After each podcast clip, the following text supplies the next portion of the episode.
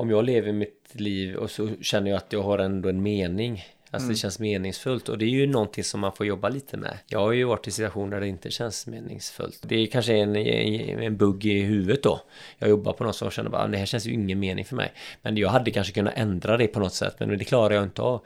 Men så studerar väl en sån här basgrej. När jag känner att det känns ändå meningsfullt. Att du vet varför du gör saker och ting.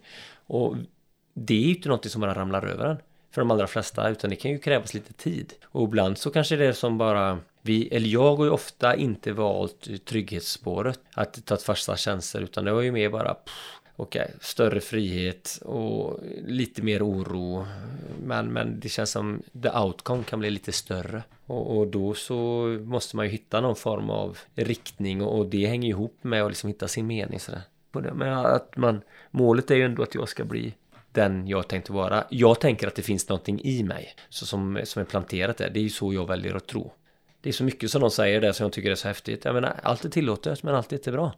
Och då lägger de ju över ansvaret på dig. Ja. Du får känna efter. Med? Allt är tillåtet men allt är inte bra liksom.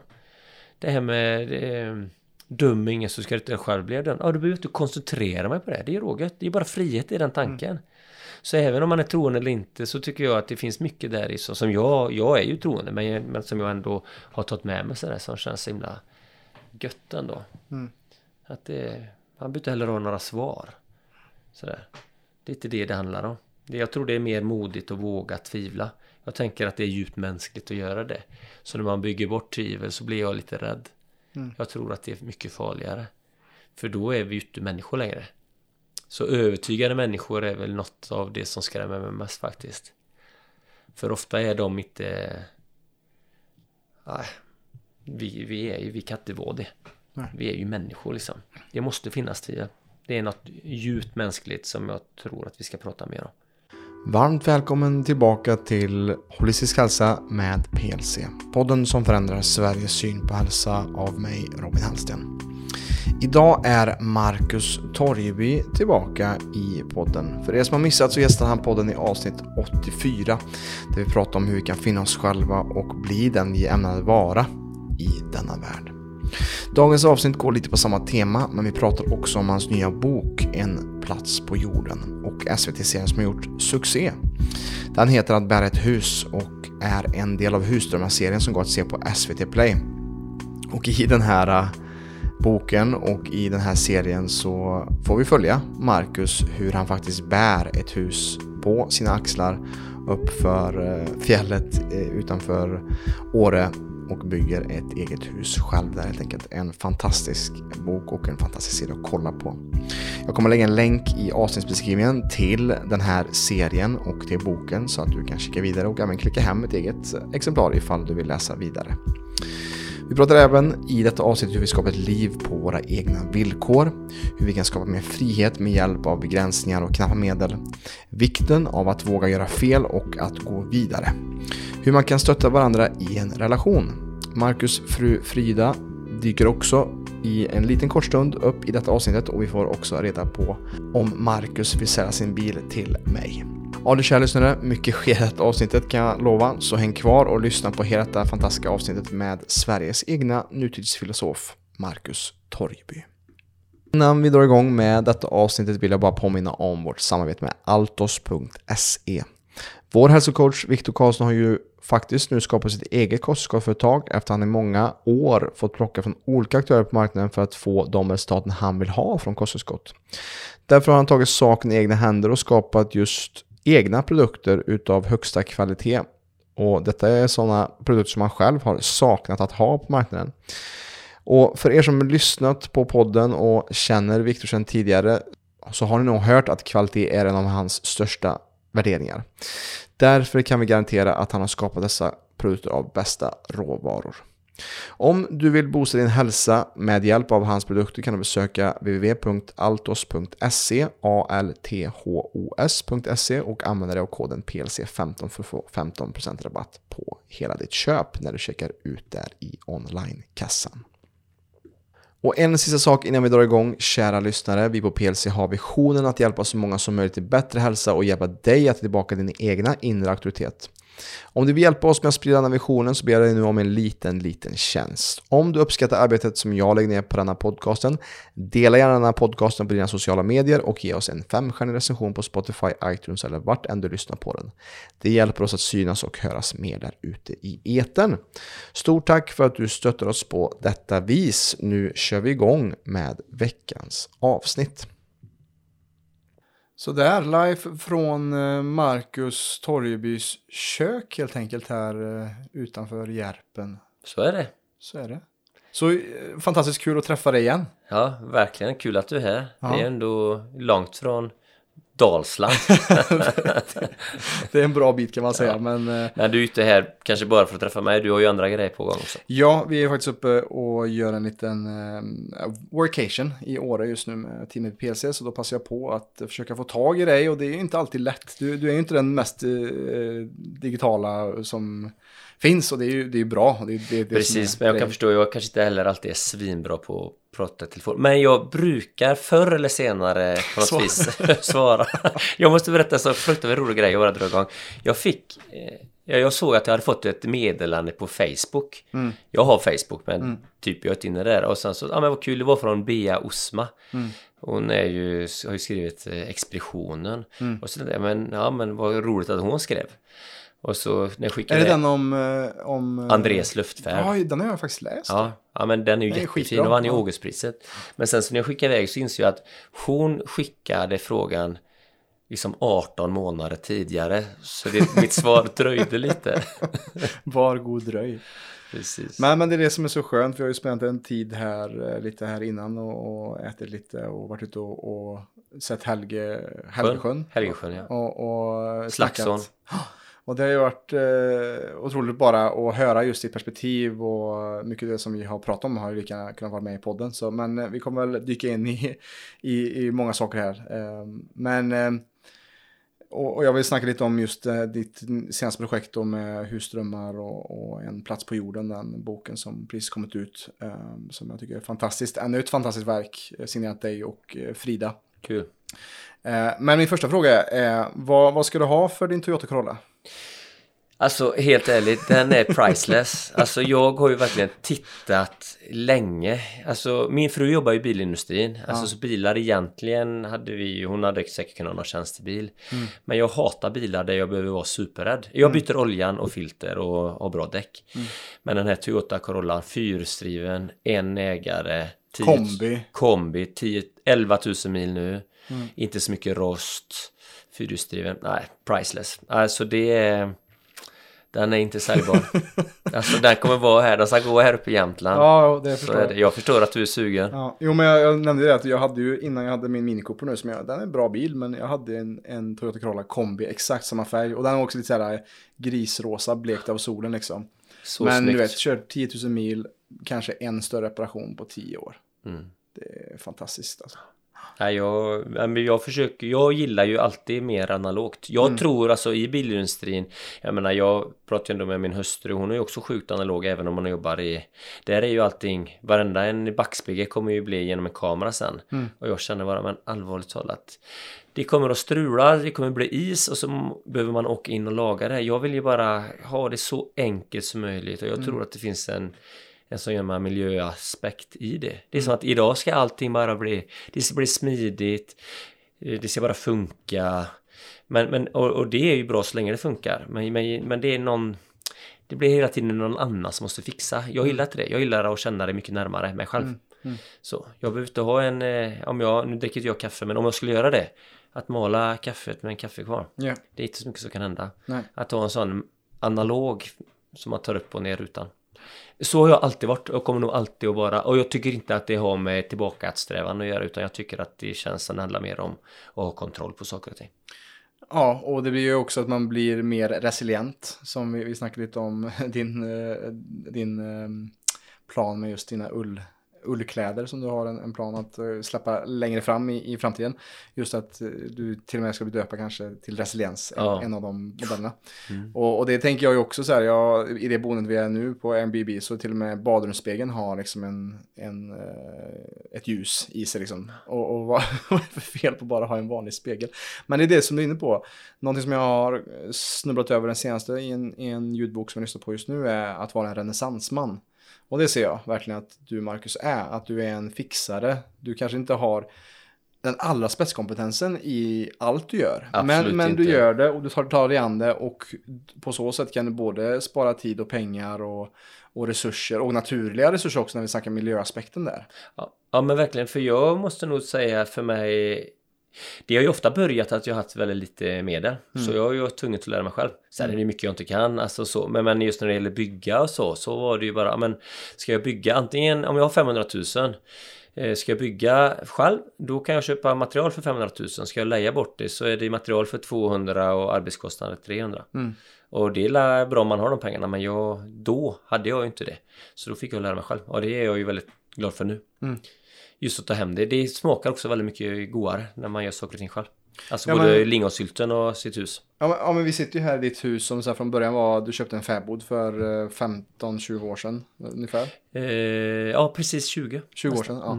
Och det var en fäbod och nu, eh, lite som vi snackade om också här, att, att du är i den fasen också där- där du är lite, ja men skapar ett eget kungadöme. Alltså här är din gård och det blir större och större och det är lite nybyggnation överallt det är lite... Jag älskar ju också plankor. Ja. Så, så det är bara, men nu har jag byggt ett stort göra med växthus Ja. vi ska odla och ja men så. Och ja, ja men så är det ju. Det växer ju på och känns helt naturligt. Mm.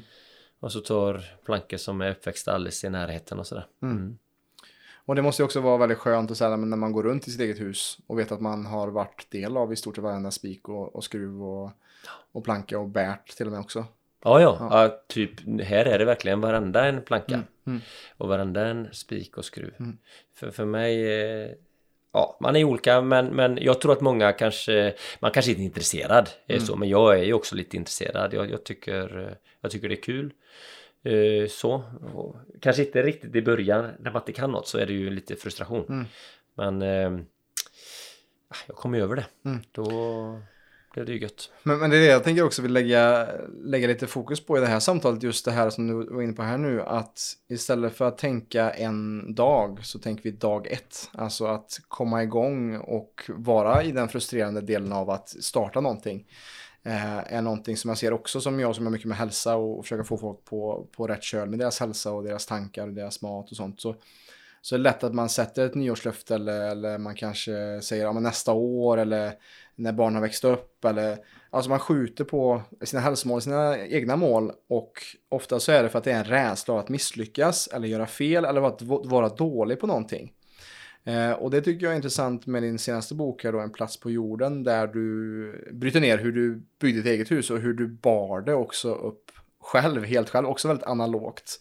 Ja men precis. Ja, det var ju 50 mil blev det till slut och kanske 3 ton ungefär. Men det var verkligen en sån stor del i det projektet. Man kan tycka, ja men vad krångligt, men det är ju inte alls krångligt. Det är ju bara att gå Mm. upp och ner några gånger så, är det ju, så är det ju där. Det kändes ju väldigt greppbart. Mm. Annars kan man ju hyra en helikopter, men, men det är ju, då ska du ju dit en helikopter. Ja, och det är ju skitkrångligt. Ja. Mm. Sen så, för mig, så, så tänker jag, och så har jag nog alltid tänkt.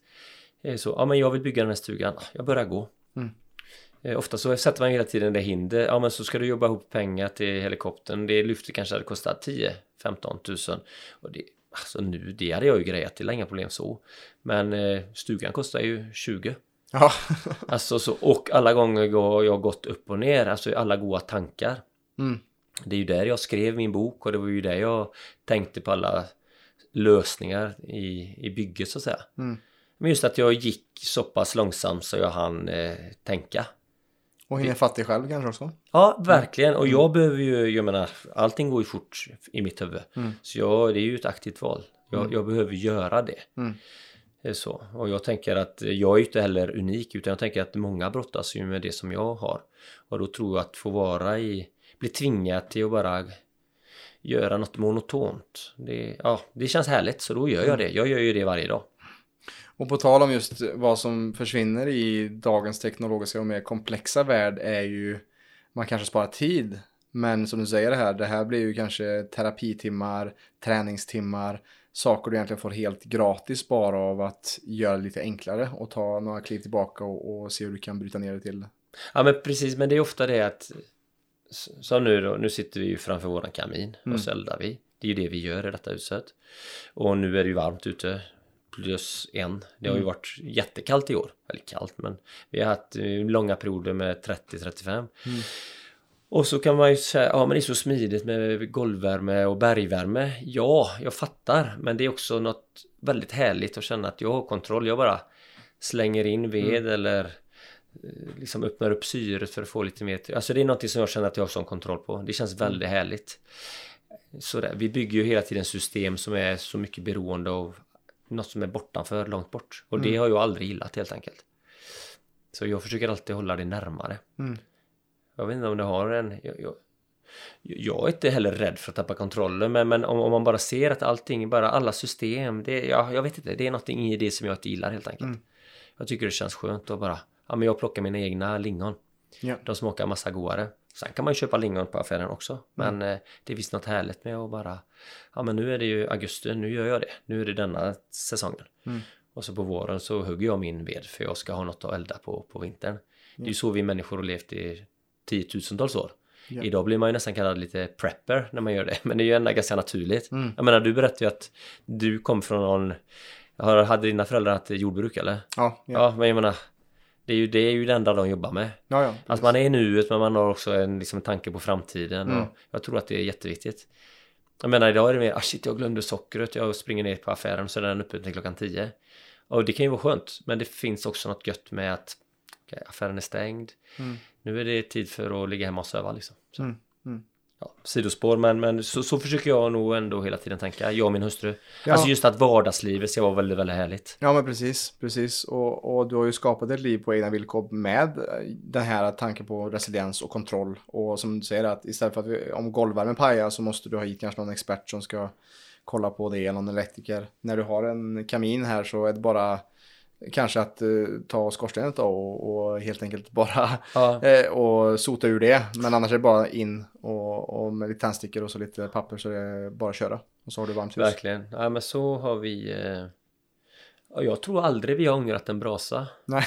Jag menar det är ofta lite svalt på morgonen när Mm. vi kommer hit. Men eh, det är ett aktivt val för oss. Ja. Sådär, faktiskt. Men, men Marcus, du var ju all, inte alltid en eh, snickare eller byggare.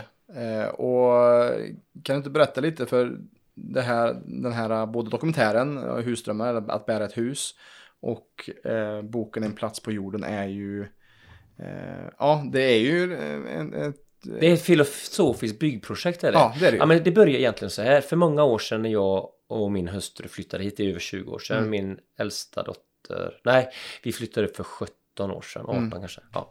Okej, och min äldsta dotter var en månad. Mm. Och så, så ville jag ju visa dem det här livet, det enkla livet som jag Mm. hade levt i skogen. Vi levde inte i kåtan utan jag hade den här fäbodvallen och så byggde vi en stuga vid sidan om, där vi sitter nu. Mm. Vi bodde ju här i köket. Eh, och för jag ville på något vis eh, ja, men visa Frida det, det goa som jag hade upptäckt. Men jag tog i för hårt. Så var det bara. Jag var för kantig i kanterna.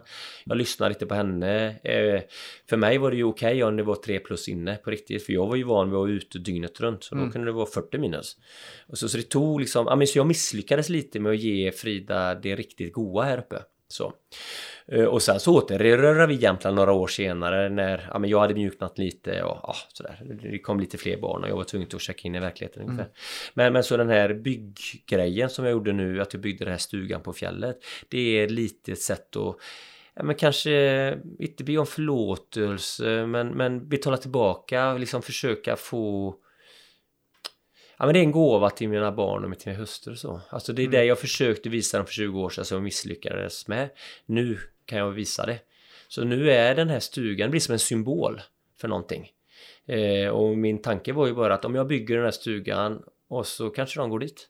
Mm. Och så vet jag att de kommer att lära sig någonting av sig själva. De går dit och tänder och så, så det var liksom hela tanken och sen så det var så jag började med det och sen så landade det ju att det blev en bok och att det blev en tv-serie. Mm. Men det var ju inte det som var ingången till det. Nej. Utan det var ju mer bara få... För jag vet att det finns någonting i det analoga Så som även om vi lever ganska enkelt nu så finns det, det ibland behöver man leva ändå mer analogt. Det är det jag vill skicka med mina barn. Mm. Och det är en sån fin symbol för det, den här lilla stugan.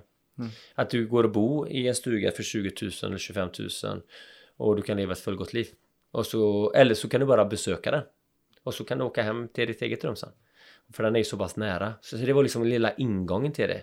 Och sen eh, försökte jag ju också, jag vet ju hur det känns när man inte kan bygga. Och då tänkte jag att om jag ändå ska göra en bok så kan jag väl visa de enkla genvägarna som jag själv skulle behövt kunna när jag själv började för 20 år sedan. Så jag vet ju hur det känns när man inte kan. Mm.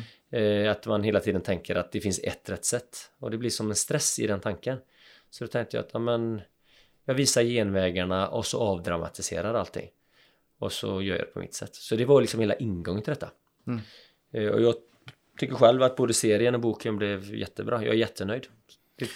Ja, jag tycker ju själv som har följt det du har skapat eh, sen Löparens hjärta, att detta är liksom den bästa, alltså bästa både när det kommer till det visuella, alltså både bilderna men också hur också ditt språk utvecklas också, eller hur du skriver. Sen jag vet inte om du skriver ihop lite med din fru också, eller hur? nej, jag skriver själv, men det Ja. är ju så. Jag, jag skriver och hon fotar. Mm. Och sen till denna boken gjorde vi ju också så att eh, om jag skulle behöva skriva om varenda en detalj och moment, det hade blivit för mycket bygghandbok. Ja, Så då gjorde vi ju alla de här filmerna som vi la ut som just det. Just Så det tyckte vi var, Mm. kanske inte så många som fattar, men vi tyckte det var lite kul att göra ett Mm. lite större koncept sådär. Mm. Så det är ju som, ja men det är ju som en två timmars dokumentär som är insprängd i boken. Mm. Så vill man så kan man, är man liksom intresserad hur man exakt sätter in en dörr så, så, så kan man ju få ta del av det. Ja. Plus lite annat, lite, ja men lite historier och lite flabb och, ja, Ja. men så. Ja. För jag har väl insett också att eh, det är klart den utvecklas när man gör något som till exempel skriva men jag kanske blir lite mer allvarlig när jag skriver än när jag gör rörliga grejer så att säga. Mm. Så jag tyckte det var en kul kombo. Och så är det väldigt roligt att göra saker och ting med min hustru. Vi tar en paus här i podden för att bara påminna om vårt samarbete med pureness.se. Om du använder koden PLC-podden med 2D så kommer du få 20% rabatt på hela ditt köp i deras onlinebutik när du klickar hem saker som hjälper dig att optimera din hälsa så att du med hjälp av dessa produkter kan skapa dig ett liv på dina egna villkor. Jag använder mig själv dagligen av dessa produkter för att hålla mig skarp, frisk och pigg. Så använd koden PLC-podden med 2D för att få 20% rabatt på Pureness produkter.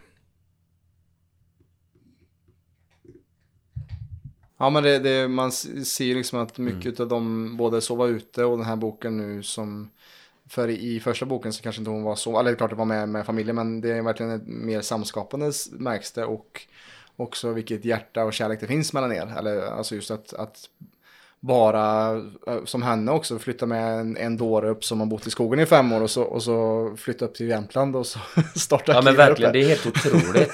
Hon är ju, jag menar nu är jag ju runt och pratar men det är ju hon som, hon har nog mer att säga skulle Ja. jag säga. Ja. Det är bara att hon är ju fotograf, hon är inte intresserad av att stå framför kameran. Hon, hon vill ju mer vara bakom. Mm. Men jag tycker det är kul, ja det är så Mm. konstigt. Tycker folk att jag som menar gillar att vara ensam men jag tycker det är roligt. Och jag tänker att det måste också gjort att ni har vuxit er starkare för att det har varit, ni har liksom kämpat mot naturens krafter lite grann med både kyla och, och, och, och begränsningar här uppe i byggandet och, och den biten. Ja men verkligen, men jag tror också att eh, vi har verkligen insett att det finns också en rikedom i begränsningar. Mm. Vi lever ju lite begränsat på ett sätt. Eh, För vi har fattat att, jag menar, det är så mycket i livet och det livet vi lever nu som vi kommer att missa. Men jag tror att många människor går runt med känslan av att, ja men det här FOMO, fear of missing out. Jag har insett att, ja men så ska det ju vara. Så vi ska göra våran grej. Mm. Och vi har ju valt att bo här. Ja, det är ju underbart. Så, så det känns som, vi har gått och tittar om på så mycket saker som jag, som jag inte har. Utan, ja men vi är ju här och vi har träden och fjällen och Mm. sjöarna och det är ju grymt. Och just också få kunna dokumentera det, det som är på riktigt två meter från vårat sovrumsfönster Mm. ungefär. Och liksom kunna leva på det på något sätt, det är ju häftigt. Alltså jag vet ju någon sa så här, sa så här till mig för länge sedan, men Marcus, det du gör det är ju ändå bara vanligt. Ja, för dig och som bor här i Jämtland. Men de flesta människor bor ju inte här i Jämtland. Nej, precis. precis. Bara att bara se liksom när det nästan är ljus dygnet Mm. runt eller den rosa himlen eller jag menar alla de här himlarna som Frida gillar att fota. Ja. Så där, det finns ju inte på så många. Det, det är ju den här du måste ju vara på de här breddgraderna. Mm. Åker du söderut så finns ju inte det där. Så är det ju. Så, Mm. så just att få gräv där du står ungefär. Mm. Så. Och begränsningar är ju eh, lite, jag var inne på det med, när vi pratade förut, just att, att det är något visst också med att bo på landsbygden. Det är något visst att bo mer norrut och mer kallt och kargt. Att det skapar ju ett annat sorts liv på något sätt. Och att, eh, som jag sa till dig, att jag ser också att ju närmare städerna vi kommer, ju mer vi kommer liksom in i urbana miljöer så förändras också människan lite till mer kanske mer egoistisk eller man bor isolerat, man blir mer deprimerad. Eh, i, I jakten på lycka, status, karriär, pengar som inte riktigt finns lika levande här ute för här lever du mer enligt naturens lagar.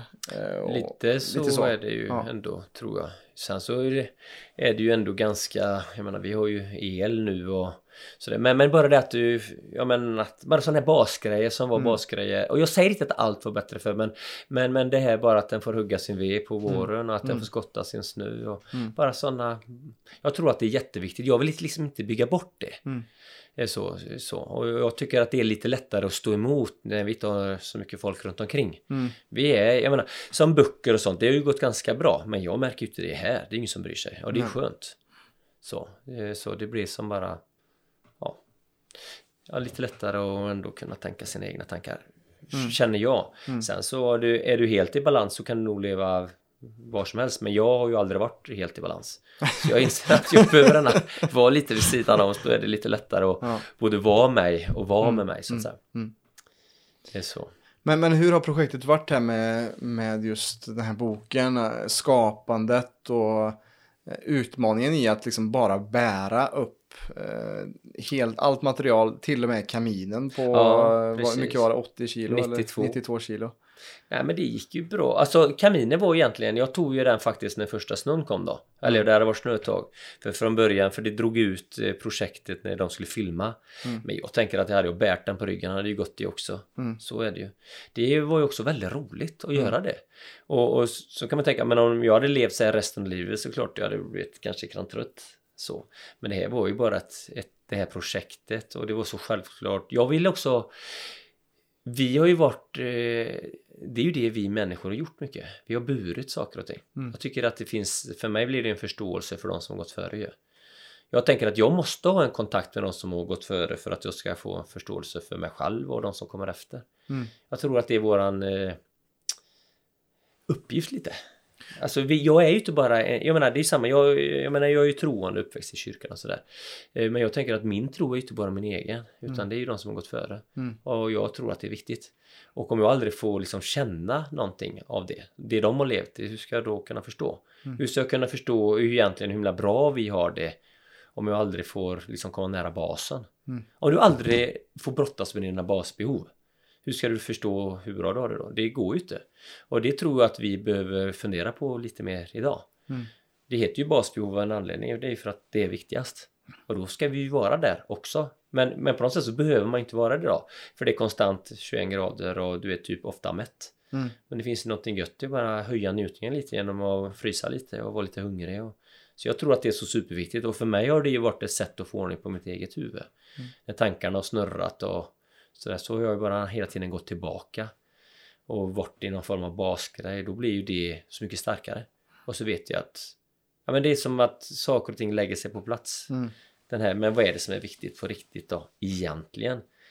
Ibland så tänker jag att så som vi lever idag så är det så lätt att se att folk som inte har det lika bra som oss, att de lever fattigt. Men det är ju inte så. Jag tror att man känner lika mycket. Det är bara att det, man kanske har trasigare kläder. Mm. Det spelar ju ingen roll egentligen. Och att kämpa och att liksom vara under en liten del stress. Det är nyttigt för oss människor. Det är så vi har utvecklats. Och, och som du säger, om vi alltid har det bekvämt så är det svårt att veta hur det känns att verkligen leva på riktigt. Och jag vet du också snackade i vårt eh, förra avsnitt när, när jag intervjuade sist gång, eh, första gången, då, då snackade de om ens-linjen. Alltså, Ja, men precis. Att, att just eh, som du är inne på här nu att det är ett sätt att hedra förfäderna och att hedra den ens-linjen som har utstakats av inte bara dina föräldrar utan också tiotals, eller alltså Generation, ja, är- hundratals, ja. generation på generation på generation. Ja, det är så mäktigt. Jag tycker att, eh, och för mig så blir det, det hänger ju ända ihop. Jag menar det är som ett år. Mm. Att eh, man föds och man lever och man, man dör och sen så kommer nästa. Så jag tänker att jag är en del i hela den grejen. Mm, Och det är, känns härligt. Mm. Jag tänker att det finns ett liv efter min död så att säga. Mm. Både rent fysiskt med mina barn och ja, men jag tror ju att vi ändå det är också ett aktivt val för mig att jag tänker Ja, så här att jag Precis. ja, man tänker olika där men för mig så är det liksom som en frihet att våga och kunna tänka att eh, när jag dör så kommer det bli något annat. Det känns gött. Ja, och, och på tal om det då, vad, vad känner du, en intressant fråga här är liksom, vad känner du att du vill lämna efter dig till dina barn och barnbarn? Vad, vad, är, vad är det ditt etos som du vill, eh, vad är det för enslinje du vill lämna till dina?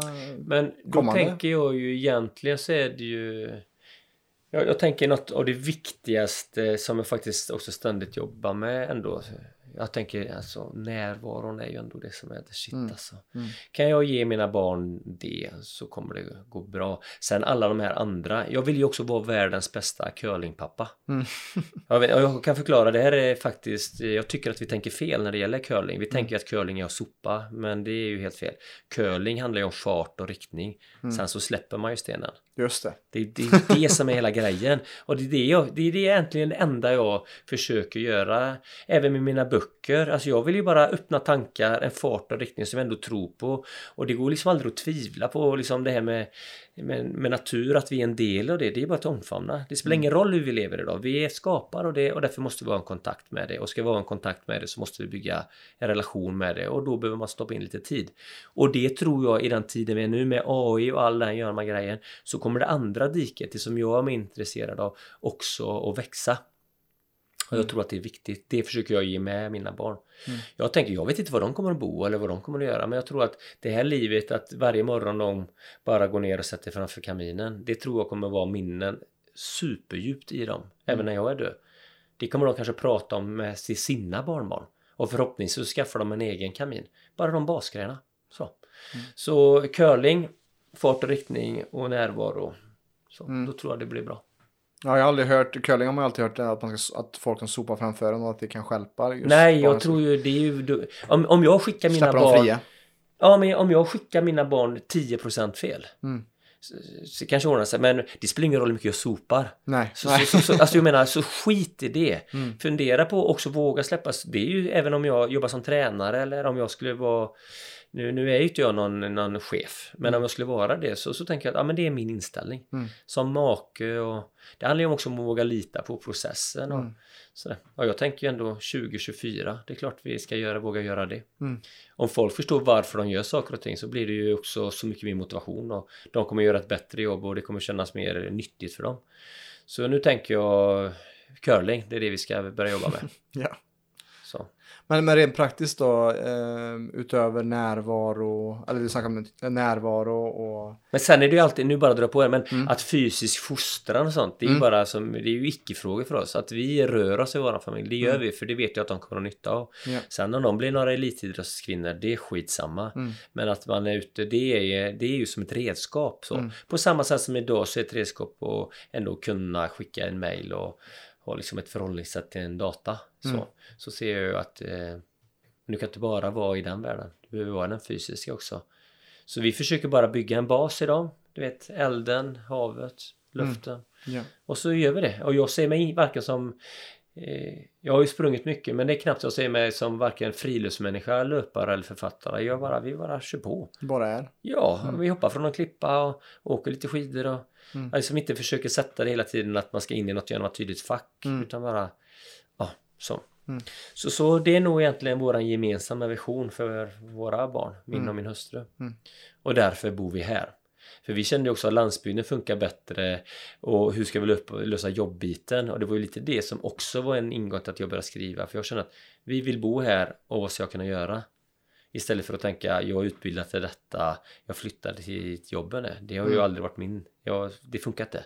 Jag vill med, ja men här, här är ju gött, här vill Ja. jag bo. Mm. Okej, vad kan- ska jag göra? Landsbygd? Pff, Jag har lite funderingar, snickra kanske jag kan göra också. Skriva lite, ja men du vet så. Ja. Så det har varit såna Jag har hittat det för alla men för mig har det varit grejer. Mm. Mm. Och, och vad mer eh, rent praktiskt, jag tänker på att komma tillbaka till just det här med fostra barn som du ser din filosofi här. Vad, vad är det rent praktiskt som ni också gör tillsammans för att skapa mer närvaro, fysisk eh, samvaro och kontakt? Och så? Nej men det är nog, jag menar, det är nära till sovsäckarna och tältet. Mm. Alltså, om man vet så här, bara att vi bor där vi gör så är det ju, man måste hjälpas åt. Det är klart, barnen vill ju också ha det varmt. Mm. Så de får ju hjälpa till med veden. Mm. Det är inga problem. Mm. Så, vi har våran utebastu. Alltså, så ska man... alltså det, det är egentligen inte, det är skitenkelt att vi går ut och, jag menar, jag menar bara på kvällarna, Birgitta, bara man tar hunden och sätter henne på sele och så får Birgitta skejta bakom och så åker vi 15 kilometer upp över fjället. Ja men du vet, Mm. det är ju inget konstigt, det är många som gör men, men jag har väl, eh, ja och vi gör det också så. Och så skriver jag lite om det Mm. och försöker, det är inget hittepå. Sådär. Man är bara tar en tur på skoterspåren eller när våren kommer. Man, ja men vet bara ute, sover, brötar. Inga konstigheter. Egentligen ganska naturligt liv så. Mm. Så att man inte bara är, fyller vardagen med grejer att göra som hela tiden är aktiviteter som någon annan skapar. Eller. Mm. Det är jag, är glad, jag är glad om någon går på judo, det är inte det. Men det, det är mycket hemma också. Mm. Hemma har det gött. Och här är ju en stor skillnad tänker jag att det här är vad du beskriver ett naturligt liv. Det är ju Ja. inte vad som är vanligt eller genomsnittligt i Sverige idag eh, utan det som jag tänker så är det mycket att eh, som förälder kanske man inte ens har tid med sina barn. Man kanske skeppar iväg dem tidigt på dagis och sen hämtar sent på eftermiddagen och sen så är det kvällsaktiviteter och det finns inte riktigt den tiden. Så eh, något jag är nyfiken på är att det är ingen slump att du sitter här ute och har skapat detta. Eh, Ja, verkligen inte. Och det har ju varit en sån stor supergrej för mig. Jag har ju... Jag, det är viktigt att veta, vi har alltid klarat oss. Aldrig, liksom, för mig känns det viktigt att Mm. man, man har ordning på sin egen ekonomi. Men vi har ju levt på ruggigt små medel. Så, Mm. så är det ju. Mm. Men, men också att eh, jag har ju heller aldrig haft något... Jag har aldrig varit anställd. Eh, utan vi har ju på något vis... Ja men lite det som jag sa, men vi vill ju bo här, hur katten ska vi få till det? Mm. Eh, Så, sådär. så vi har ju verkligen lyckats med det. Men det har ju varit en gör man lång resa. Min hustru är ju väldigt duktig på det hon gör. Hon tar ju fram färgerna i bilindustrin. Så hon har ju fått försörjning där. Och när man bor lite på landsbygden så är det ju lättare att leva på lite mindre medel. Mm. Så- Och det finns en stor frihet i det. Alltså när du kan hugga lite ved och sådär. Mm. Nu hörde jag att Frida kom med. Frida! Vill du, vad gör du? Men du kan väl komma här och bara säga något mäktigt? Vill du vara med? Nej. Ja. Men Frida är i alla fall här i bakgrunden Ja, eh, för er som Du inte kan ju bara säga hej här i.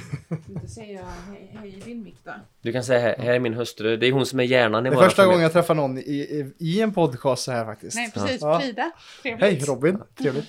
Nej men vi pratar om eh, ja, livet.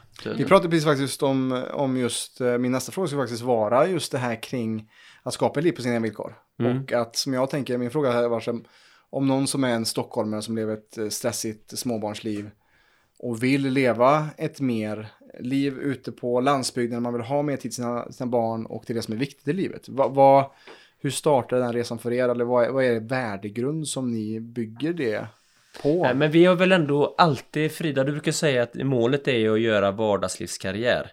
Så, så bara börjar man hitta något sånt ord att enas kring så, så, så sakta men säkert så styr man ju in livet på det. Mm. Alltså man, alltså Sen kommer det ju att kosta. Ja. Alltså det gör ju alltid det. Någonting får man ju betala för att göra en förändring. Och då tänker jag att det Men är det grundat i det som man verkligen är gemensamt eniga om, någonting man vill till. Mm. Då går ju det väldigt bra och då tar man ju gärna dem. Men det gör sig inte själv. Nej men det är ju samma som att, precis, att bo ute som jag gjorde i skogen i fyra och ett halvt år. Mm. Ja, det var ju antingen hittar jag mig ett liv eller så dör jag. Det var ju min drivkraft. Men om du, det finns ju många efter mig som, och det är jätteroligt att de ville bo ute och testa och sådär. Men drivkraften kanske mer var att leva billigt eller bara ett äventyr. Och då var den drivkraften inte riktigt lika stark helt Mm. enkelt. Så då kanske man bodde ute ett halvår och det kanske var, var tillräckligt. Men det är nog viktigt att hitta sitt driv där. Ja. Alltså varför man gör saker och ting. Och det har ju varit en, en, en resa ju för mig och, och Frida. Alltså Mm. sådär. Och det var ju tuffa första år på något sätt. Så var det ju. Framförallt för Frida och barnen. Mm. Men eh, det tar lite tid och det är viktigt att våga ställa sig den frågan. Men varför vill jag detta? Ja men precis att ha en stabil värdegrund tänker jag och Mm. också vara beredd att man får faktiskt göra avkall på, på saker och ting för att nå dit man vill. Att, att, Ja men eh, verkligen. Att, att den personen som jag vill bli eller den, det livet jag vill skapa, då kanske det är många vanor som jag har just nu idag som jag behöver lite banta bort eller, eller karva ut någonting annat i för att nå dit, tänker jag. Ja men absolut, så är det ju. Men jag tycker ju ändå eh, Vi får ju ändå verkligen utlopp för det vi gör. Jag och Frida. Mm. Jag tror nu kommer min fru laga lite mat här så det kanske Ja, men kommer låta lite men det är det, helt okej. det lite Kör på bara. mysig bakgrundsljud här. Ja men kör på. Nej men det går, det går bra, det går bra, det går bra. Ni får ju, det är det. Det blir en levande podcast där. Ja, ja, men det är Det- härligt. Nej, men just också att jag menar, vi har ju verkligen... eh, Vi hade lite tuffa första år. Alltså inte det att kärleken inte fanns där utan mer så rent fysiskt, Mm. fysiologiskt. Och det var, handlade väldigt mycket om mitt eget, jag alltså. Mm. Frida är ju mycket mer hel än vad jag någonsin har varit. Så hon har ju inte heller behövt sätta sig i kanske en riktigt sån svartvit situation. Mm. Så är det ju ändå. Men jag tycker ändå att nu har vi ju hittat någon form ändå medelväg. Mm. Så där att det finns något och som ändå handlar om att vara lite närmare basbehoven för det blir ett sätt att inte bara sväva iväg allt för mycket i huvudet. Men, det, det Men jag tror det är viktigt också att, det har en bara så, att man inte bara har det som gör man romantisk bild. Nej, Det, precis. det kan jag ibland se så. Att du, du kan inte bara... Det är så lätt att bara na, skylla på sociala medier. Och, men menar, det är ju inte Instagram så. Alltså det är ju... Du får gärna... Men det är ju gött att gå ut och skotta snön. Det är ju så. Men ja. Så, så man får ändå bottna lite tror jag. Ja, precis. Och sen att det tar lite tid att komma över pucken. Mm. Så är det. Och vara realistisk tänker jag också där i, i att det är ett, eh, ett jobb att skapa en relation och, Och ett liv. och ett liv också. Men det är kul också tycker jag i boken att, eh, som du skriver, att, att Frida tycker det blir bättre med åren. Att, Ja, att, det, att det blir det. lite, lite tröttare och segare. Men hur, mycket, hur många procent segare har du blivit Frida? Kanske 20? 20 procent segare är jag nu. Så, så det är ju bra då för mig. Ja, och, Men jag, jag kan också känna helt enkelt, jag, jag känner också att det faktiskt är härligare att vara jag. Mm. Eh, Och det känns ju som så skönt. Mm. Eh, faktiskt. Mm. Så att det aktivt väljer och ja men bara så när jag bygger så bara, äh, nu ger jag mig. Mm. Förr var det ju bara alltid 18 timmar om dagen. Mm. För jag bara går in i dimman och så och det händer ju mycket då men det behöver inte alltid vara så. nej. Och det är okej att ändras. Ja, och det, det, det är väl det som jag kan läsa mellan raderna i boken också, eller i, i det samarbete som ni har också, som, både som partners och också som affärspartners också, att, det, att Frida är lite ankaret också som håller lite, lite styr på dig också när du svävar iväg lite kanske också. Ja, men, nu skrattar Frida, men så är det Men det var ju samma, jag hade ju ett möte igår med någon kanske framtida samarbete Ja. första gången och det känns jättekul. Och då sa jag att okej, jätteroligt men nu, nu får ni prata med min hustru nästa vecka så får Ja. ni styra upp det. Och, och det är nog, jag är konflikträdd. Mm. Eh, Och så är jag bara alltid ja-sägare. Mm. Och det är ju Frida också, men hon tänker ju också efter lite längre än vad jag gör. Just det. Så det blir ofta en väldigt bra kombo helt enkelt. Mm. Mm. Och så man, vi har väl också lärt oss, det är viktigt att ha snälla människor runt omkring oss. Mm. Och man ska samla på dem och så ska man hålla fast vid dem. Mm. Eh, så. Eh, ja. Ja, för, för det är det som jag tycker också, varför jag dras till dig och det du skapar är också att det finns en eh, hög nivå av integritet. Och också att inte mm, tumma på kvalitet och äkthet. ja, men så... Ja, men så är det ju. Och ibland så kanske det nästan har varit... Eh, ja, nej, men vi försöker ju göra det all in. Så är det ju. Eh, och därför kanske också vissa eh, har blivit, om man ska göra, eftersom vi nästan aldrig har gjort några samarbeten, jag tror att vissa kanske nästan blir lite rädda sådär. Men vi är ju snälla också. Mm. Men, men det har nog varit så, för, för det måste kännas riktigt Mm. i magen. Mm. Jag tänker att eh, man brukar ju säga magkänsla eller om man är med uppväxt i kyrkan så säger man ju helig ande. Jag tänker att det kan vara samma grej. Ja, det. Det är någonting där i som man kan utveckla. Mm. Och jag vet egentligen inte varför men den har ju alltid varit stark. Ja. Och så får man ju eh, ja, lita på den. Mm. Och den, ibland behöver den ju ha lite tid på sig. Mm. Och jag har väl också lärt mig genom misstag att om saker och ting måste gå fort, då är det ofta inte himla viktigt. Alltså det är klart om det börjar brinna här inne så klart jag måste springa ut. Alltså det är inte det jag menar men, men saker och ting som ändå... Och så har det varit med alla de idéerna jag har gjort. Boken, den första, Löparens hjärta. Den funderar jag ju på. Jag menar när började jag fundera på den Frida? Alltså många år innan. Mm. Även sova ute eller alltså den här eh, bygga boken. Det är ju inte det att den bara kommer på det på fem minuter och utan tankar som och idéer som hänger kvar. Då hugger jag ju vidare på dem. Eller nu nästa grej med den här seglatsen. Mm. Det är också någonting som jag har tänkt på i tio år lätt. Mm. Sådär. Så eh, ja, ja det, det blir ju ett sätt att om du får en idé och sen så försvinner den inte, då är det nog läge att göra någonting utav det. Du har väl inte missat att den 5 februari så kommer vi ha ett kostnadsfritt live-event för alla som vill vara med att hjälpa till att rena sin kropp och kicka igång sin förändring, boosta energi och fokus, få balans på mage-tarm och minska värk och stelhet och även kanske rensa ut gammal skit i form av svamper och parasiter som vi oftast har en överväxt av om vi är ohälsosamma eller äter dåligt mat. I det här kostnadsfria live-eventet kommer Viktor och Jonas gå igenom viktiga nycklar för hur du kan ta tillbaka din egna inre aktivitet och få mer kontroll över din hälsa. Detta kommer pågå mellan 18 och 21 den 5 februari. Länk till den här livesändningen hittar du i beskrivningen av det här avsnittet. Varmt välkommen så ses vi där om drygt en vecka. Och det tillåter att det får ta tid också. Och jag, jag, tänker så här att många är idag så, man är så ins, instagramifierad eller just i sociala medier att man tänker att, eh, att någonting sker över en natt och sen blir man känd eller, eller man har, man skapar från fre, fel eh, grundvärdering. Att det, är, att det är för att man kanske vill tjäna pengar eller stat, vad det nu kan vara.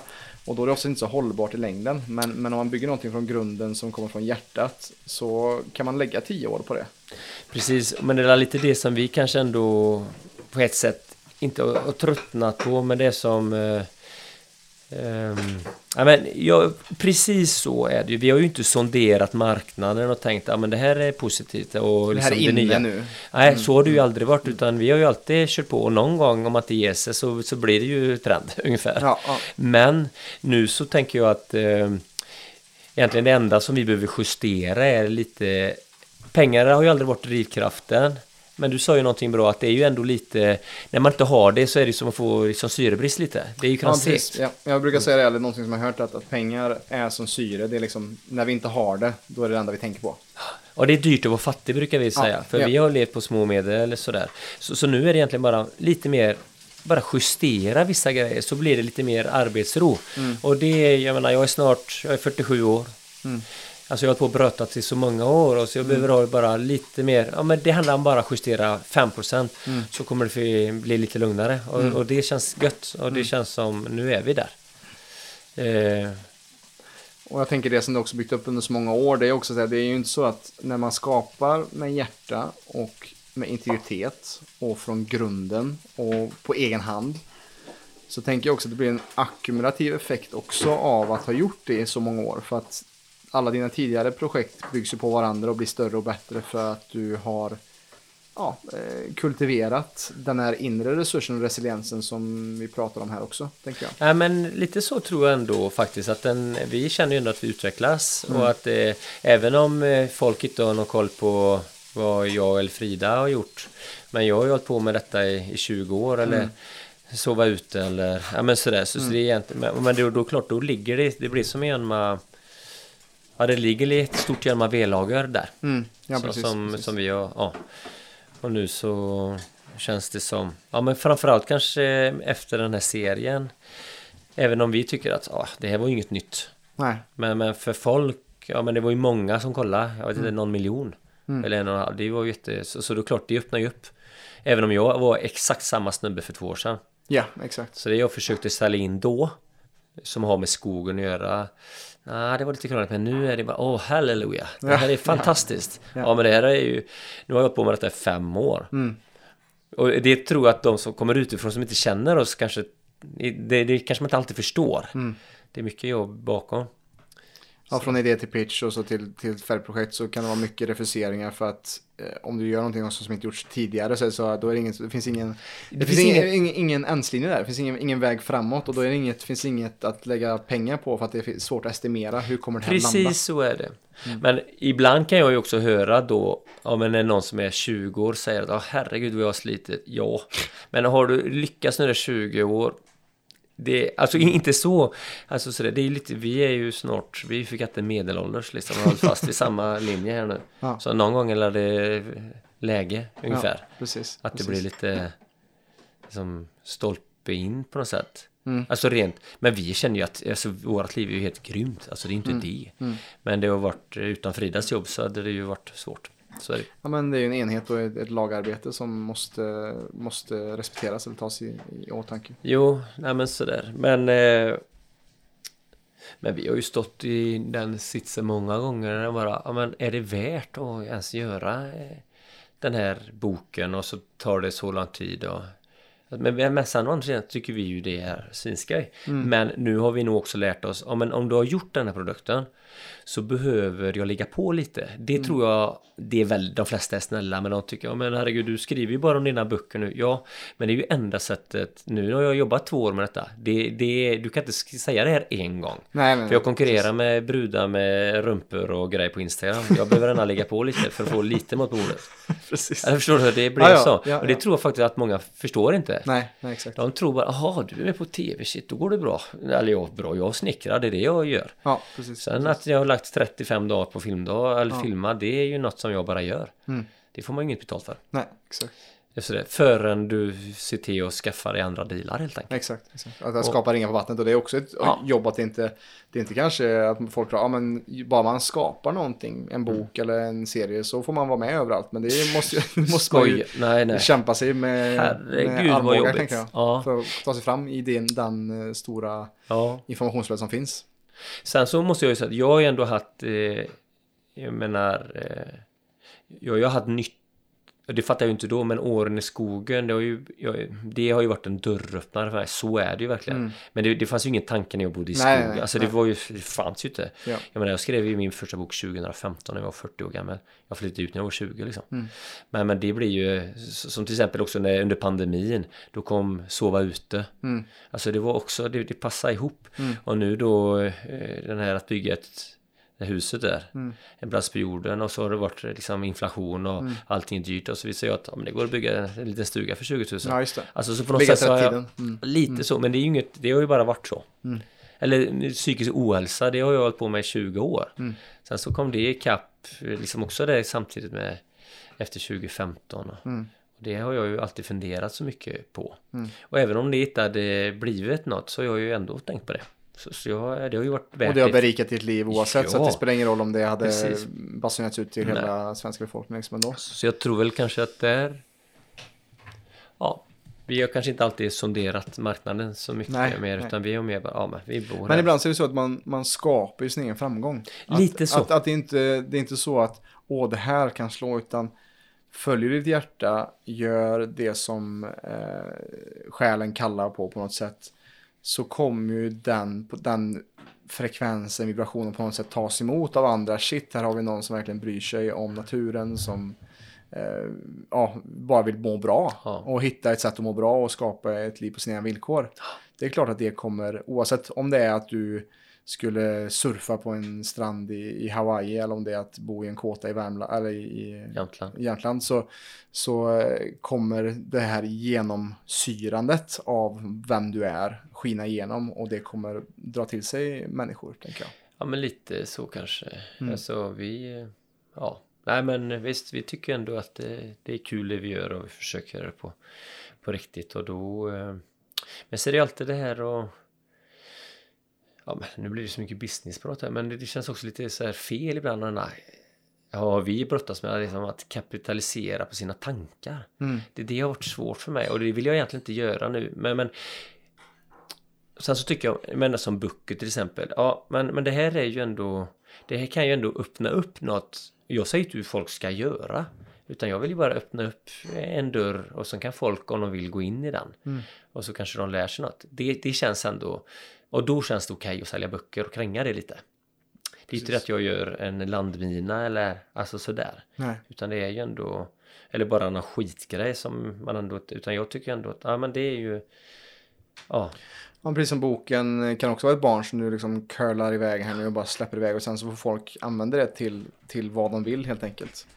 Eh, och där tänker jag också, vad, vad, känner du är det budskapet, vilket är det viktigaste budskapet med just den här boken och den här dokumentären som du vill att folk ska ta med sig helst? Tänker du? Men Frida, nu gick du förbi här och hon äter så hon ska inte säga det. Men jag tänker nog ändå att eh, Att livet behöver inte vara så jävla stort alltså. Och ändå kan det vara rikt. Alltså jag, Mm. jag tänker ju alltid, vad är det viktigaste ändå? Vi pratade ju om barn innan. Det är nog att bygga minnen ändå. Jag tänker att det är den enda liksom, valutan som jag som, som, som är riktig rikedom sådär. Mm. Så, så ja, det är nog det. Och det handlar ju också om att vara närvarande. Mm. För att det ska bli så att du är där helt enkelt. Mm. Så att du inte hela tiden bara har tankarna på framtiden. Mm. Utan det är ju ändå det som är tricket. Så det handlar ju mer om att sätta sig i sådana situationer. Och ofta så är ju de dörrarna är ju så nära. Mm. Alltså att gå in i goa minnen, de inte vara så långt bort. Nej. Och det tror jag att jag vill visa. Jag menar, vi gör ju allting vi gör är på riktigt. Jag kan bara öppna upp dörren så är vi där. Mm. Just det, jag behöver inte känna att det är något annat som ska erövras, någon fjälltopp rå långt bort, utan det är så nära. Och om jag kan skicka med mina barn det så kommer det ju vara en sån jävla rikedom. Mm. Och om folk läser och fattar att, jag menar om du bor i Göteborg eller alltså vad, ja det finns där. Det gäller bara, det är ju så, det är så roligt också att upptäcka det ju. Liksom, det blir ju, det är samma folk frågar mig Marcus, vilka, vad har du för smultronställen? Ja men det skulle jag ju aldrig säga. Inte för att de är mina. Men för att eh, de, det, jag har investerat tid. Och då... Så, hittar- minnen. Ja. Mm, Och det är ju det som... Så Minnena som gör gör det. du det så Mm, kommer mm. du hitta dina smultronställen. Sen så kanske vi har samma, det vet jag inte. Mm, Förstår du? mm, mm. Men det är hela tiden de där genvägarna som jag känner är... Ja men det är ju liksom att gå de där extra kilometerna, det är ju det som bara är så himla härligt. Mm. Sådär. Så, så det tänker jag att jag ändå på något vis fysiskt sett försöker visa mina barn. Mm. Men det, vi får ju se hur det blir. Ja, och det jag gillar det här äh, tanken att äventyret finns utanför din dörr. Att så många tror att man måste ta sig jorden runt eller att, att ta sig någon annanstans. När det oftast finns under näsan på oss. Och att också så att hitta, hitta som du säger, sin egna väg där. Och att våga se livet annorlunda kanske. Och att Jo, våga men- se utmaningen där. Ja, precis. Men det är ju samma som varje soluppgång jag ser nu. Den är ju finare än för 20 år sedan. För nu så silar man. Jag, varje sol jag ser gå upp nu. Jag, jag silar ju den genom 20 000 andra solar som jag har sett. Mm. Eller hur många dagar jag nog levt. Alltså, förstår du? Livet blir, det blir ju bara rikare bara genom att du lever. Om du ändå fattar det i huvudet på något vis. Istället för att bara tänka på grannen har en större bil än vad jag har och ja, skit i det, det spelar ingen roll. Ja. Ja men alltså på riktigt alltså. Mm. Det är ju helt otroligt. Så, så, så lite så, och då tycker jag helt enkelt det är lättare att, att vara i det när jag bor här. Mm. Och därför bor vi här. Mm. Så det går att hitta det på andra ställen. Men Ja, exakt. sådär. Det är din plats på jorden. Verkligen. Mm. Och, och där om vi, om vi kollar tillbaka, vi kollar på löparens hjärta, vi kollar på sova ute, vi kollar på en plats på jorden. Där har vi ens-linjen bakåt. Vad, vad ser du framåt här nu? Du snackar lite om, eh, om vi blickar på horisonten faktiskt, som Ja. kanske kan vara ganska passande för Jo men det blir ju nästa din, grej. din ju, kommande projekt. Det heter Horisonten och det är ju en... eh, Förr på Öckerö, för länge sedan så gjorde man ju tjocka ulltröjor till fiskarna med speciella mönster. Så om fiskarna ramlade i och drunknade så kunde man känna igen var han kom ifrån med hjälp av mönstret.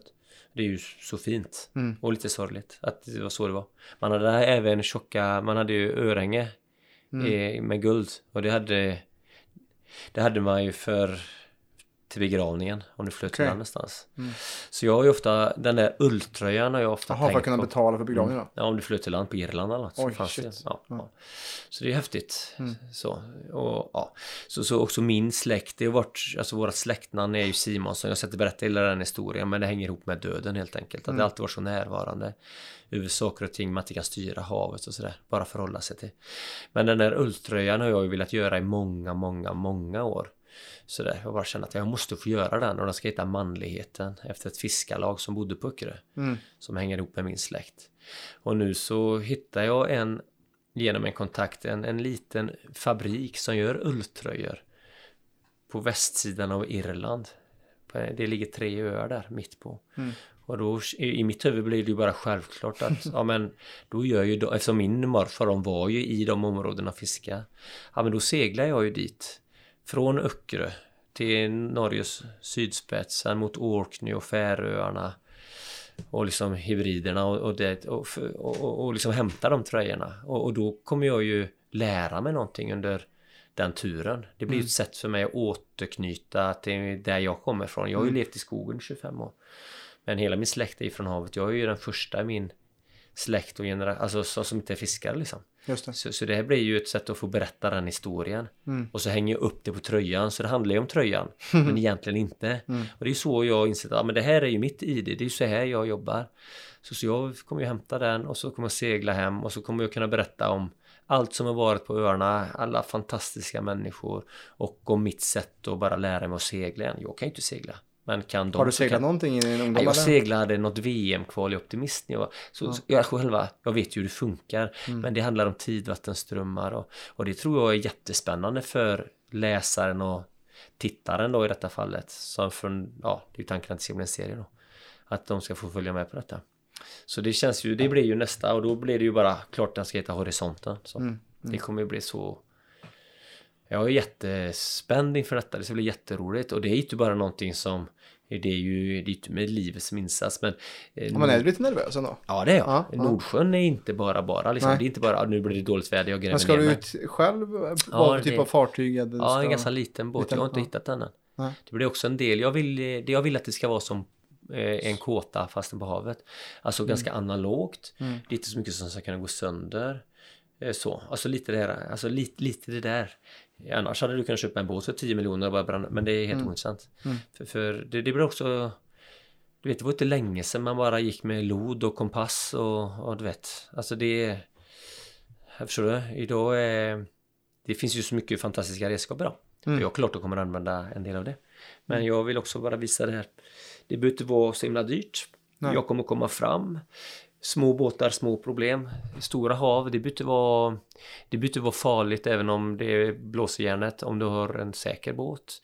Det är ofta när du kommer nära land som det blir farligt. Så, så är det lite sådär. Och så, mm. man tänker bara få segla rakt ut där, där vikingar och mina förfäder har varit. Mm. Nu var ju de väldigt sällan själv då. Men jag tänker att jag vill göra det själv. Jag vill gå in i huvudet. Och så ska jag hämta tröjan och så segla hem och så ska jag visa den för min släkt helt enkelt. Mm. Att det här kommer vi ifrån. Det blir väl avslutningsscener på något sätt. Mm. Det är så jag tänker nu. Mm. Och jag tänker att det, det kommer att vara spännande, lite nervöst. Jag kommer säkert vara rädd. Men jag kommer känna mycket och jag ska ju komma hem liksom. Så. Men så är det ju, det känns som, som det finns många bitar här som jag vill plocka isär lite. Det blir som en liten det är som manlighet, det blir som en liten mandomsprov och en prövning. Jag tror att det är så viktigt. Och det är viktigt, mig, viktigt ja, för män framförallt. Ja, jag, jag tror mm. att jag ser att jag har en helt annan grej än min mm. hustru. Jag tänker mm. att, ja, ja, det är ju så. Hade det inte varit eh, på riktigt så hade min morfar inte varit fiskare liksom. Nej, och när vi då bygger bort allt som ska vara farligt för att, för vad då? Mm. Jag menar, det är klart, jag ska ju förbereda mig. Alltså så är det. Alltså eh, att vara på havet utan förberedelse, då är man ju korkad jag är inte korkad. Mm. Folk tänker, oh, shit, du är farlig, du bor där ute, men då har du ingen koll. Jag har ju koll. Mm. Sen så ibland har jag frysit mycket och det varit på håret, men jag, så, så, så det är klart, men herregud, vikingarna seglar ju dit. Mm. Typ. Så, så då skulle jag göra det. Och det, och det påminner om någonting som du sa i förra avsnittet. Det var liksom eh, när du sprang till, om det var äldrevården när du jobbade, liksom, mm. eh, de somrarna du jobbade när du var i kåtan. Och så var det folk som eh, körde bil till äldrevården som sa Men Marcus, du kan inte springa fram och tillbaka här, du kommer slita ut dig. Och du sa, ja men jag kan inte lyssna på dig. Du kör, du kör ju bilen varje dag till jobbet. Det är klart att du kan inte göra det.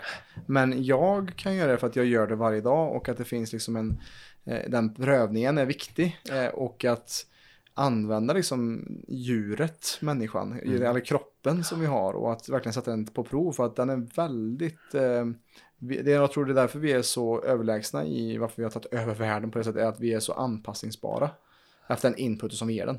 Ja men precis. Och så tänker jag ju då när vi då kollar en, enslinjen tillbaka vad som ändå format oss under lång tid så tänker jag att ja om 40 000 år om vi människor finns kvar på jorden så kanske vi kommer se helt annorlunda ut. Vi bara kommer vara uppkopplade men, men just nu så är min kropp Ja, ja men där jag kommer ifrån och få vara ute och få känna allt det här Det, Mm. det är det som har format mig Så Mm. jag måste ha en kontakt med det Det spelar liksom ingen roll om man är intresserad av natur eller inte Det är bara att tugga i sig Mm. Det här behöver vi Mm. Punkt slut Vi behöver kyla, värme, mat, hunger Tårar, glädje Mm. Eh, allt det där. Och Mm. vi ska inte bara... Jag är helt ointresserad av att leva livet i en gråskala. Bara. Jag vill bara... Det får gärna vara lite upp och ner. Mitt hus ska vara upp och ner. Jag ska vara trött och jag ska vara pigg. Ja. Och allt sådär. Varmt och kallt och... Hela grejen. Så det är egentligen det enda jag tänker. Mm. Och min fru säger bara Marcus, du har ju ansvar för ditt liv. Och jag har ansvar för mitt. Och så gör vi något bra tillsammans. Mm. Och så är det ju. Jag menar, det är jag, jag har världens bästa familj. Jag, vill, jag älskar dem. Och men att vara borta någon månad och segla, det kommer ju bara berika. Mm. Det är historier för dem att berätta som de kan göra någonting med. Som de kommer att kunna ta vidare till sina barn. Och där är någonting otroligt viktigt som i, att vara i partnerskap tänker jag att du ansvarar för ditt liv. Att du också, och det innebär också att du är ansvarig för din egen glädje. Och att inte lägga det på din partner att du ska göra mig lycklig eller du ska vara på det här sättet. Utan att, att man också ska i det också få ha en frihet att få skapa och vara där man är och är menad att vara. Att det är det som är höjden av support tänker jag. Men verkligen med Frida, jag helt ärligt om jag skulle dö här imorgon på riktigt alltså nu. Mm.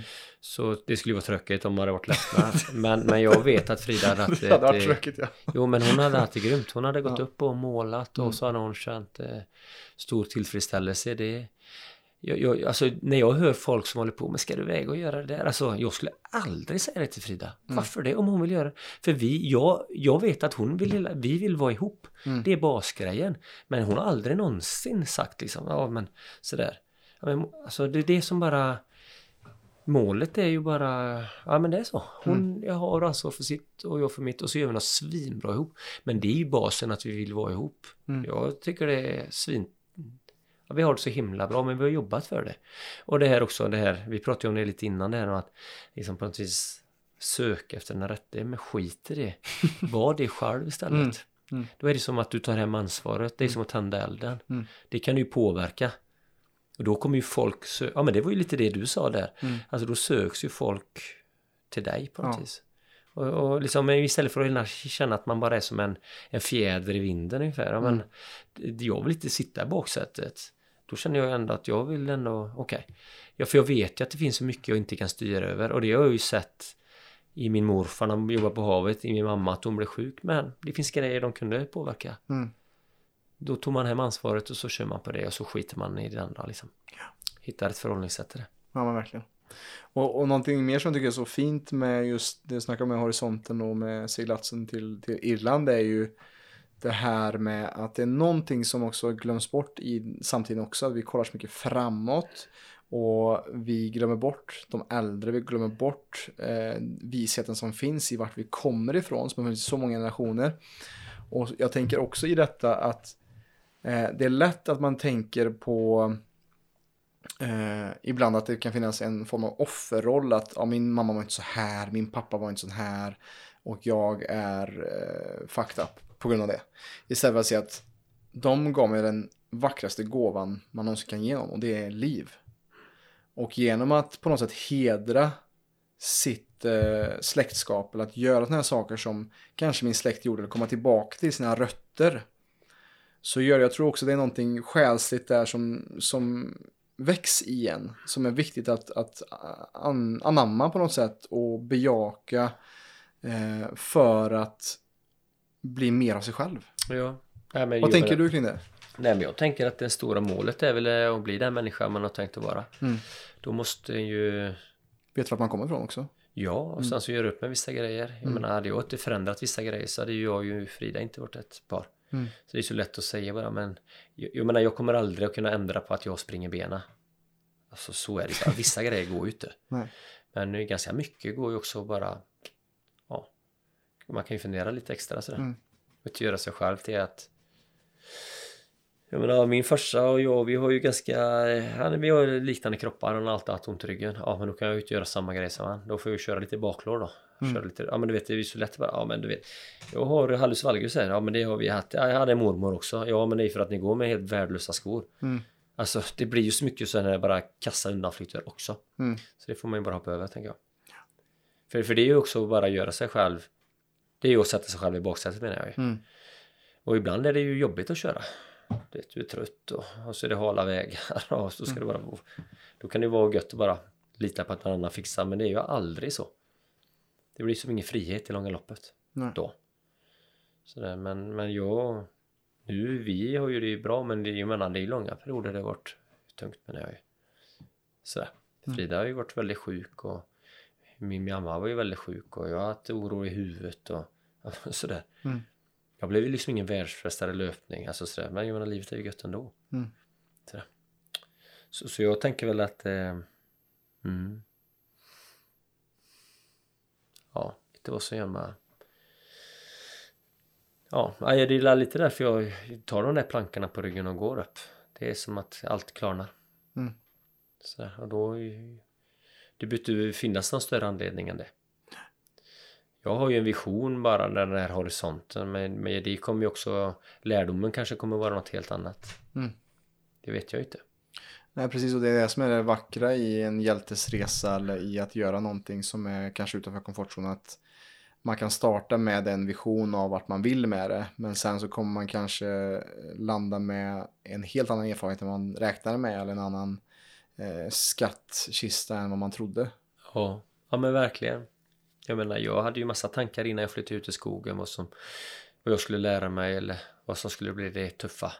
Ja men kylan och sånt, men det var ju bara att jag gjorde upp med mörkerrädslan och alltså det rastlösheten, det var ju det som jag tog med mig, Mm. som jag lever på nu, kan man säga. Mm. Så det såg jag ju inte komma. Nej. Och det hade jag ju aldrig lärt mig, eller så ska jag inte säga men det Det hade nog varit lite svårare att verkligen gjort upp med det där om jag inte hade varit i skogen. Mm. Faktiskt. Det här med att acceptera för att komma vidare menar jag ju. Mm. Men det är så lätt att man bara hela tiden kämpar emot med det som är tungt. Istället för att bara släppa in. Mm. För då när du släpper in så kan du se det för vad det är. Och så blir det som en plattform och ett steg vidare till någon form av förändring. Sådär.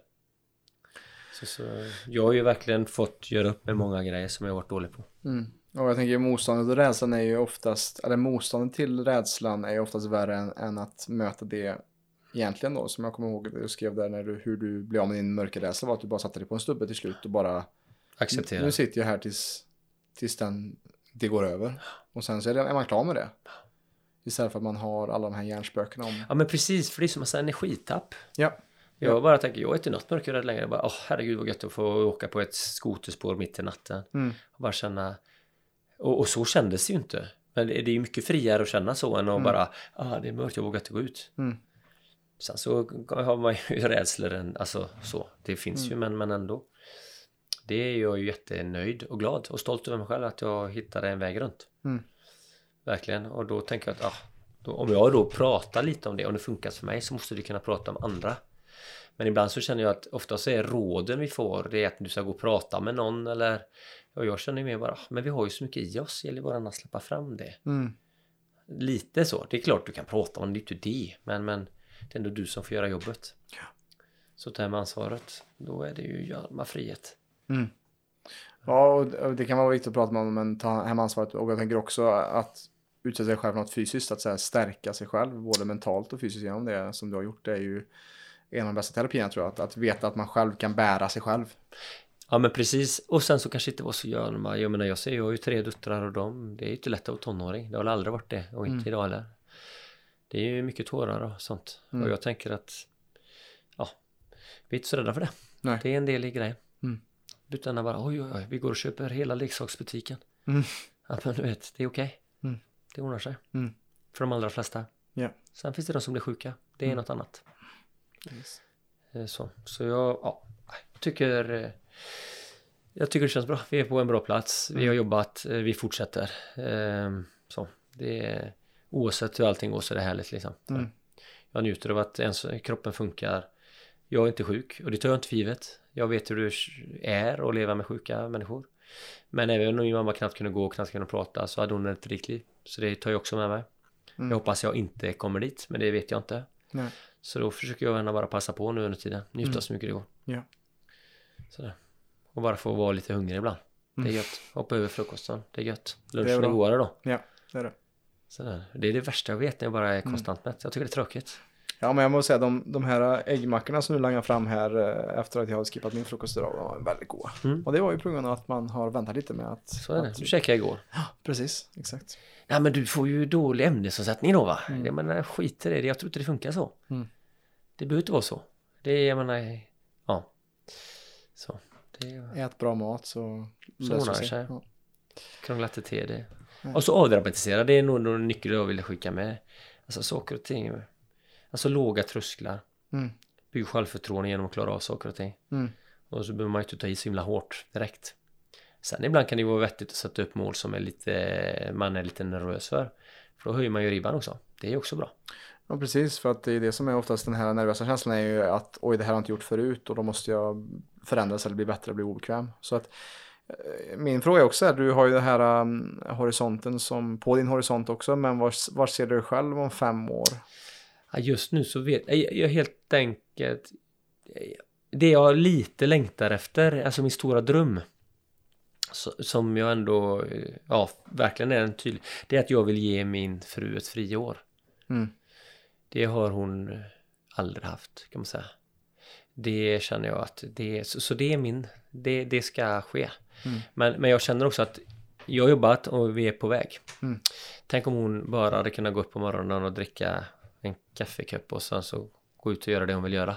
Mm. Måla eller så, så det, det, det ska bli min, det har jag tänkt på länge men vi är inte där än, men jag jobbar för det. Mm.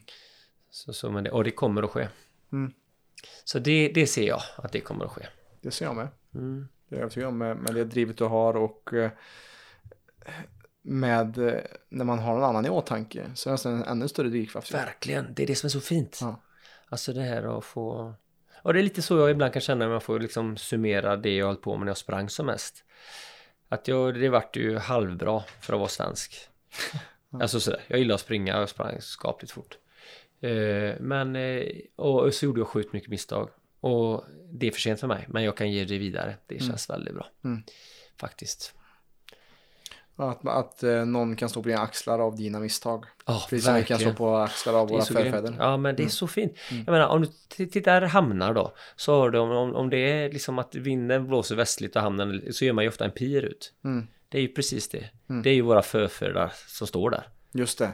De har skapat. Alltså, du vet, ja, ja. Fattar du eller? Ja. Det, det är liksom, så jag vill också vara en Jörnma, jag vill Mm. vara en Jörnma, bredaxlad, eh, sån stabil. Mm. Mm. Det är det. Fin, den ska jag ta med mig. Mm.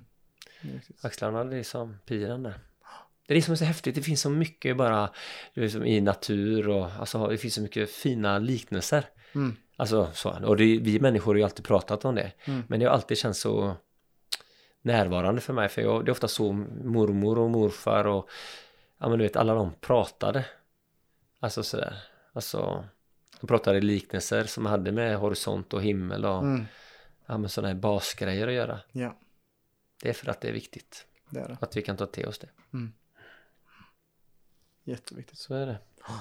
Jag tänker vi börjar runda av eh, Marcus, men jag tänker en sista fråga.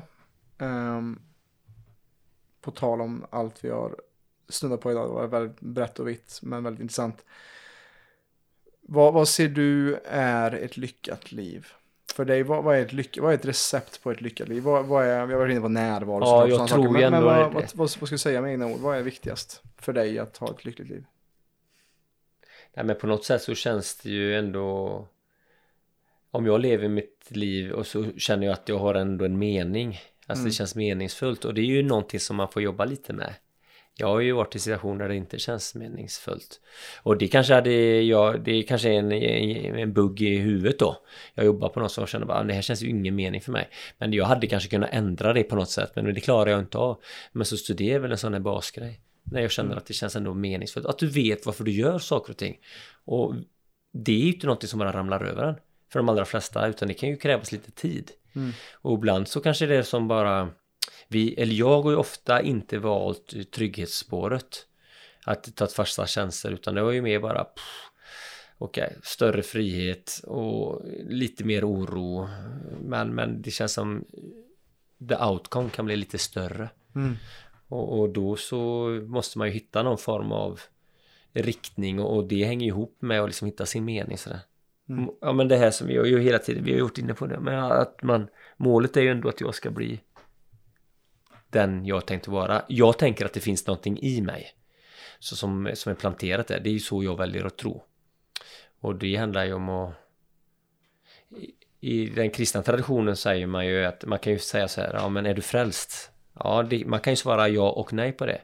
Ja, det är jag tror på Jesus typ så.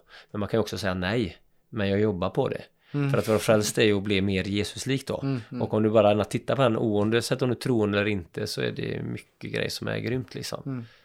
Det är så mycket som de säger där som jag tycker är så häftigt. Jag menar, allt är tillåtet men allt är inte bra. Och då lägger de ju över ansvaret på dig. Ja. Du får känna efter.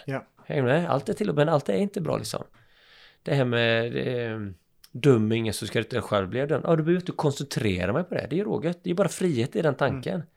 Så även om man är troende eller inte så tycker jag att det finns mycket där i så som jag, jag är ju troende men, men som jag ändå har tagit med mig sådär som känns så himla gött ändå. Mm. Att det, man behöver inte heller ha några svar. Sådär. Det är inte det det handlar om. Det, jag tror det är mer modigt att våga tvivla. Jag tänker att det är djupt mänskligt att göra det. Så när man bygger bort tvivel så blir jag lite rädd. Mm. Jag tror att det är mycket farligare. För då är vi ju inte människor längre. Så övertygade människor är väl något av det som skrämmer mig mest faktiskt. För ofta är de inte... Nej, vi, vi är ju, vi kan inte vara det. Nej. Vi är ju människor liksom. Det måste finnas tvivel. Det är något djupt mänskligt som jag tror att vi ska prata mer om. Mm. Nu vart det sidospår, men någon form av mening och sådär. Jag tror Mm. att det är att, att hitta det. Och det är inte alltid så himla lätt. Det kan ta lite tid. Nej. Men lite så som, jag menar när jag skrev min första bok, Löparens hjärta, så innan jag, det var ju min första bok, jag visste ju ens inte, men jag tänkte på releasefesten. Och jag tänkte att när jag är på releasefesten och de som kommer så ska alla, det ska vara en god känsla. Och det var det som gjorde att jag fick ihop den boken.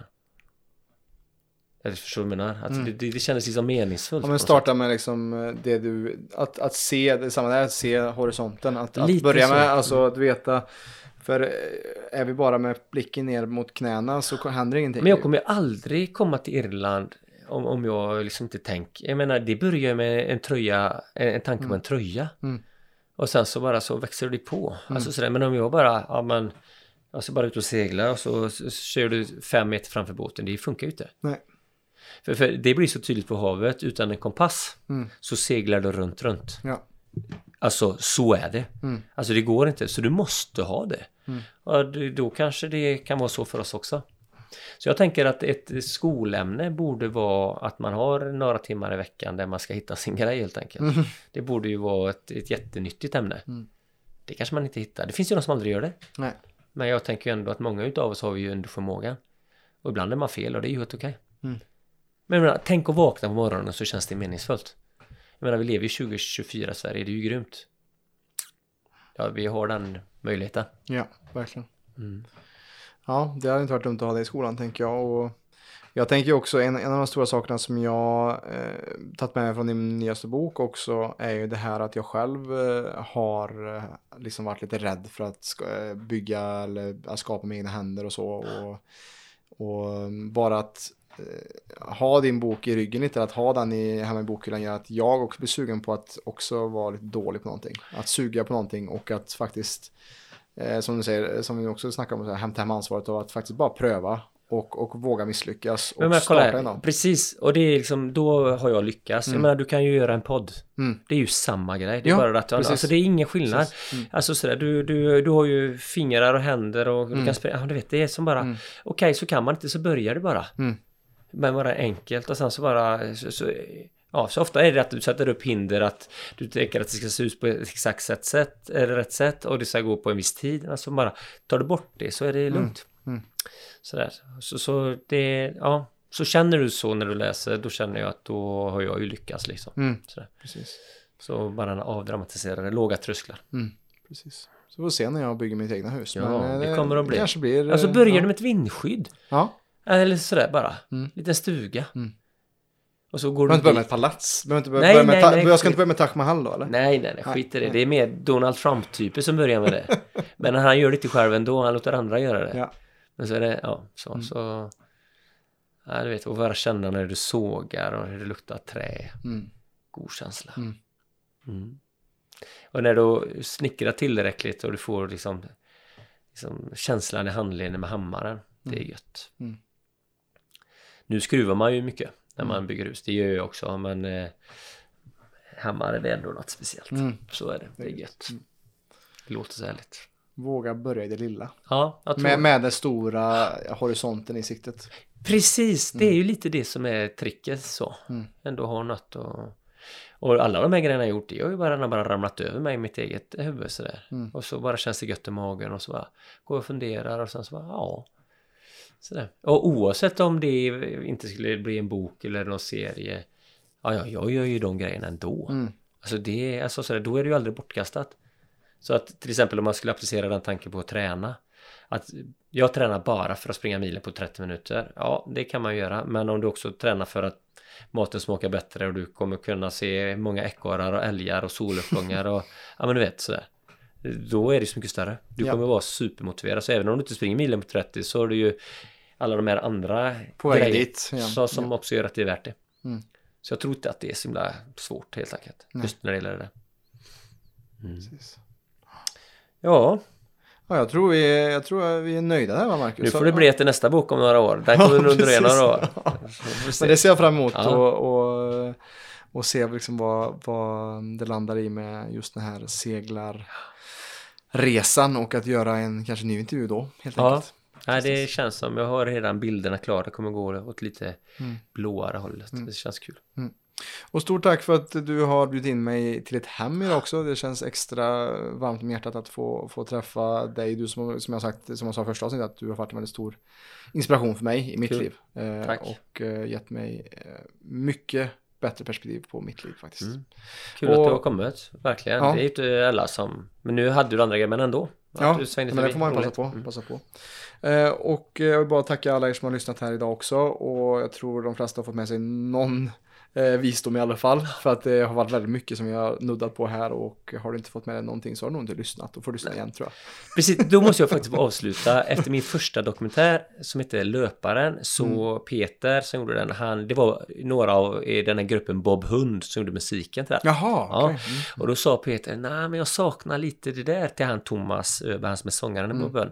Han saknade något och då sa Thomas, det, det finns där, du måste bara lyssna lite mer noggrant. Och, det- och det har jag verkligen lärt mig. Mm. Han litar på att det han hade och sen så bara, ja.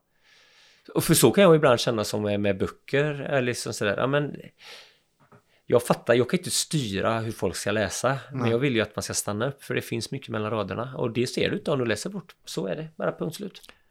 Nej, det, det är faktiskt väldigt sant. Alltså jag, jag kan eh, ibland också säga att när man, inte, när man läser en bok, till exempel en självhjälpsbok, så implementerar du inte faktiskt vad de säger i boken. Eller skriver ner eller gör övningarna som finns.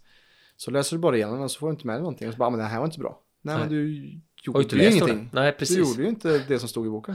Det är klart det inte är bra då. Nej, så just att ha massa åsikter, åsikter om något som man aldrig riktigt testat, det kan du bara, så, så ja, vill man kunna ha någon åsikt om något kan jag tycka, Mm. så, så behöver man, vad det än är, så behöver du ändå Uppleva.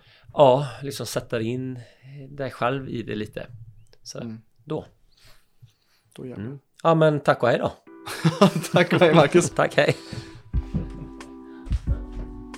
Stort tack för att du har lyssnat på det här avsnittet av Holistisk hälsa med PLC med mig och Marcus Torjeby.